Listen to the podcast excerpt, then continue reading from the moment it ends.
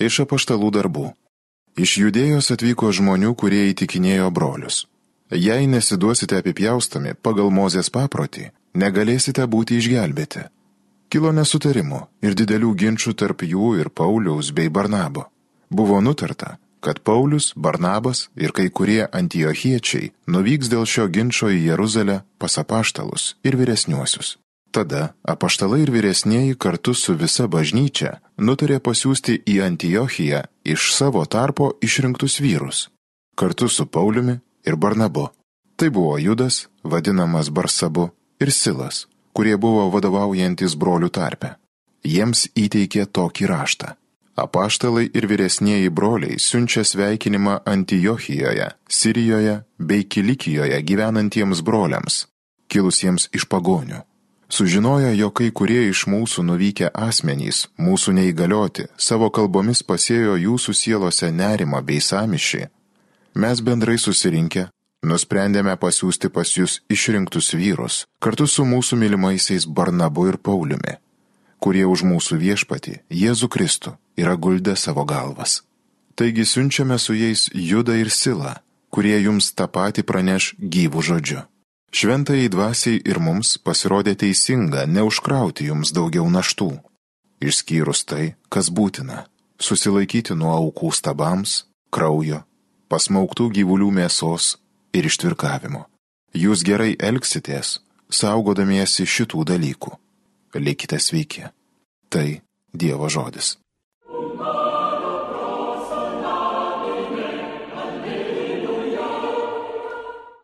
O Dieve tave te garbina tautos, te šlovina visos tautelės. Te būna mums Dievas didžiai maloningas, te laimina mus giedrų veidų te žvelgia. Tegu jo žygius pažįsta pasaulis, visų tautų žmonės, jo išganingai į darbą. O Dieve, tave te garbina tautos, te šlovina visos tautelės. Visa žmonija tegu linksminas džiaugias, kad tu tautose viešpatauji teisingai. Pasaulį tautoms vadovauji. O Dieve, tave te garbina tautos, te šlovina visos tautelės. O Dieve, tave te garbina tautos, te šlovina visos tautelės. Tegu mus laimina Dievas, pasaulio kraštai, tegu jį pagerbė. O Dieve, tave te garbina tautos, te šlovina visos tautelės.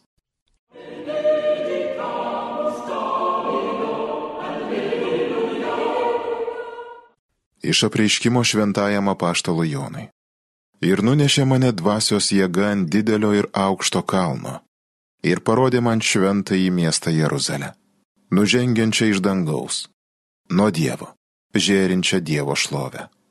Jos švitėjimas tarsi brangakmenio, tarsi jaspio akmens, tviskančio kaip krištalas. Jie apjuosta dideliu, aukštų mūrų, su dvylika vartų.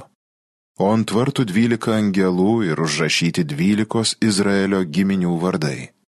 Nuo saulėtekio pusės treji vartai, nuo žemių treji vartai, nuo pietų treji vartai ir nuo saulėlydžio treji vartai. Miesto mūrai turi dvylika pamatų, ant kurių užrašyti dvylikos avinėlio apaštalų vardai. Bet aš jame nemačiau šventyklos, nes viešpats, visagalis Dievas ir avinėlis yra jo šventykla.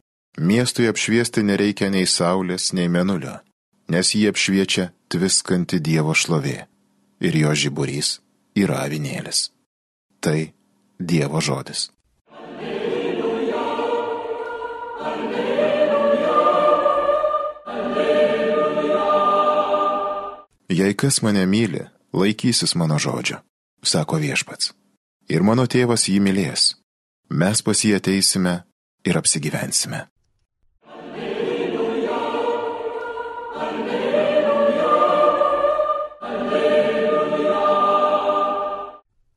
Pasiklausykite šventosios Evangelijos pagal Joną.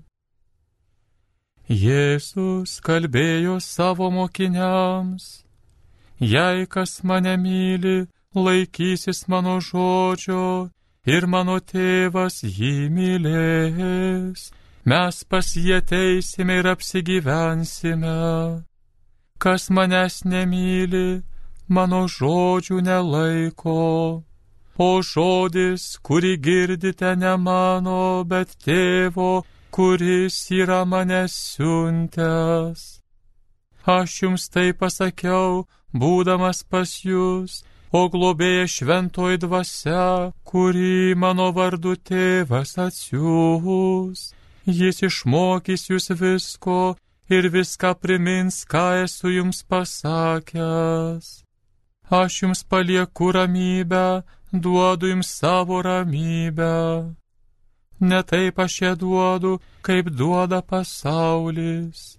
Te nebūkštauja jūsų širdis ir te neliūdi. Jūs girdėjote, kaip aš pasakiau, aš iškeliauju ir vėl grįšiu pas jūs. Jei mylėtumėte mane, džiaugtumėtės, kad aš keliauju pas tėvą, nes tėvas už mane aukštesnis. Ir dabar prieš įvykstant jums pasakiau, kad tikėtumėte, kada tai bus įvykę. Girdėjote viešpatie žodį.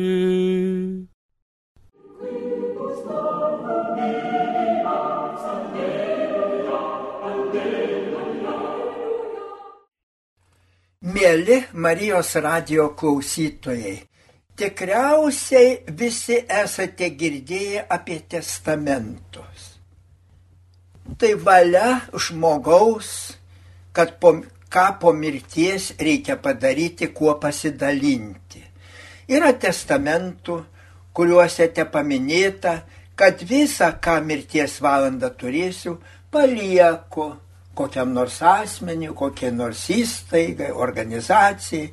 Pavyzdžiui, Amerikoje gyvenęs profesorius Paškos paliko savo santaupas testamentu, kad būtų panaudotos tos santaupos Švento Juozapo globos namų pabaigimui prie Panevežio katedros.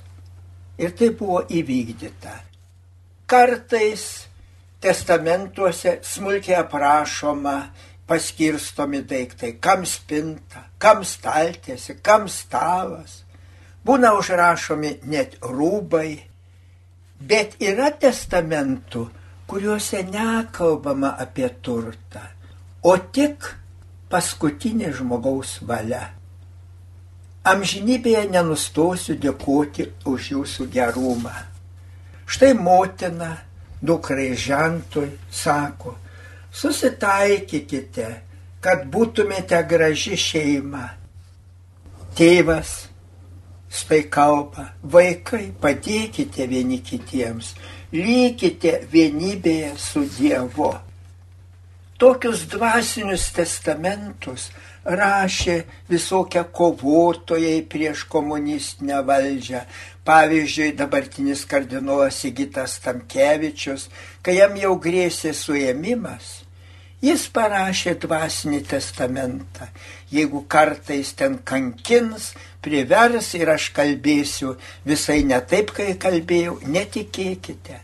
Mano valia yra išlikti tokiu pat kovojančių už tikėjimą iki pat mirties.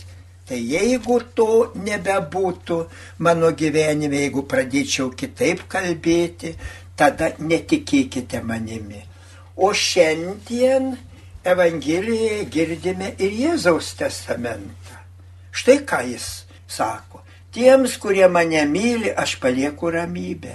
Duodu jums savo ramybę Ne taip aš ją duodu, kaip duoda pasaulis.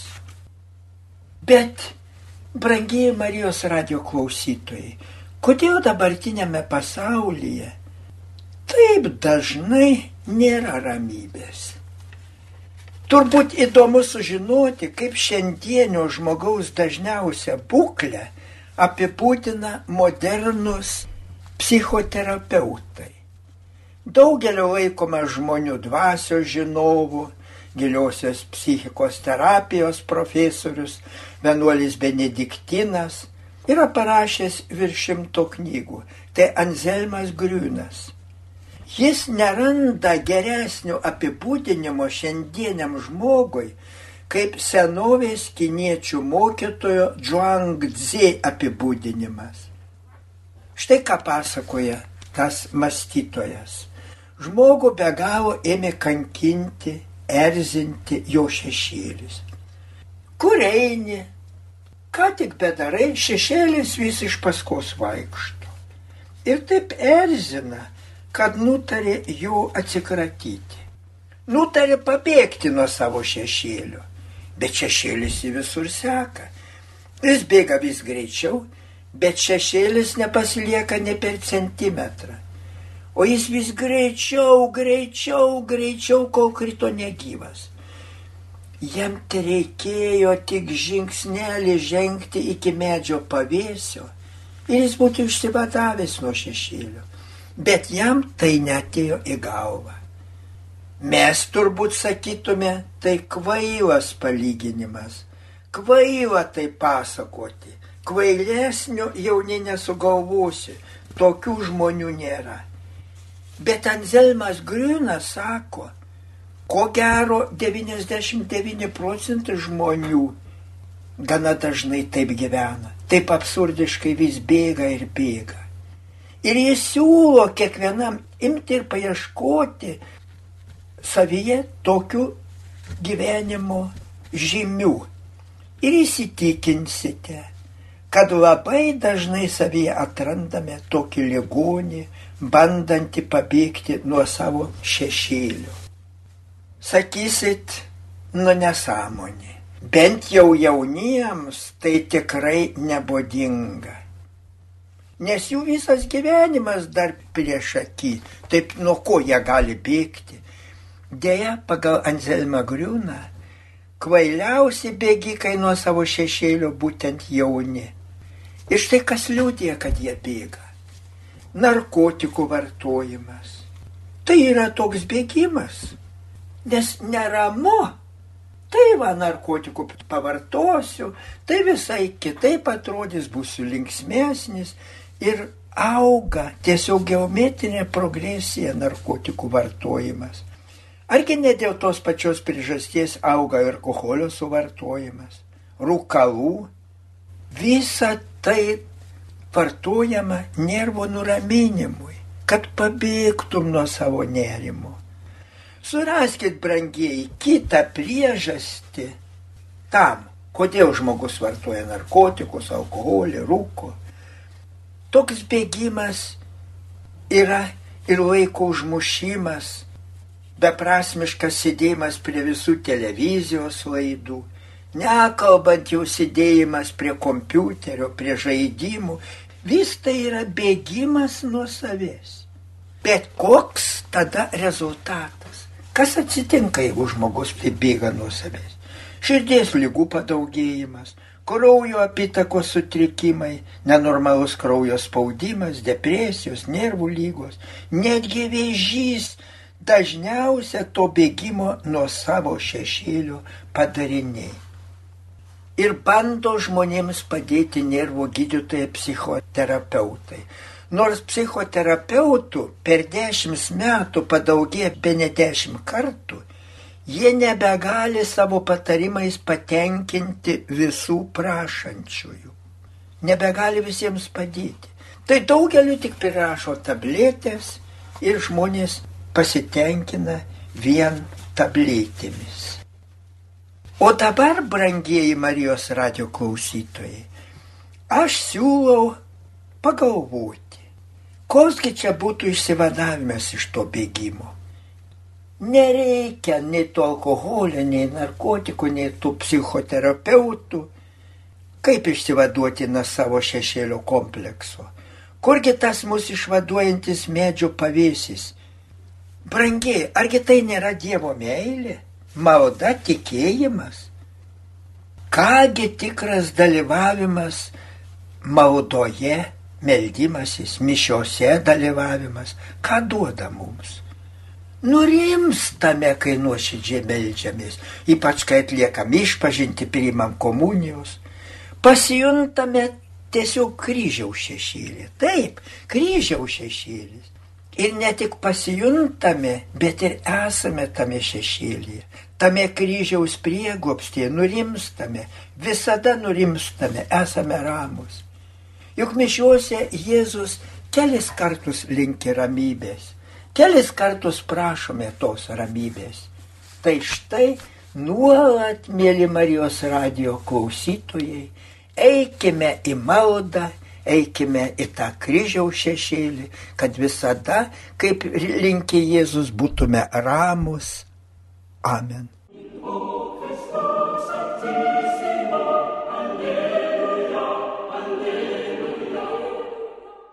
Evangeliją gėdojo kunigas daktaras Vilius Sikorskas.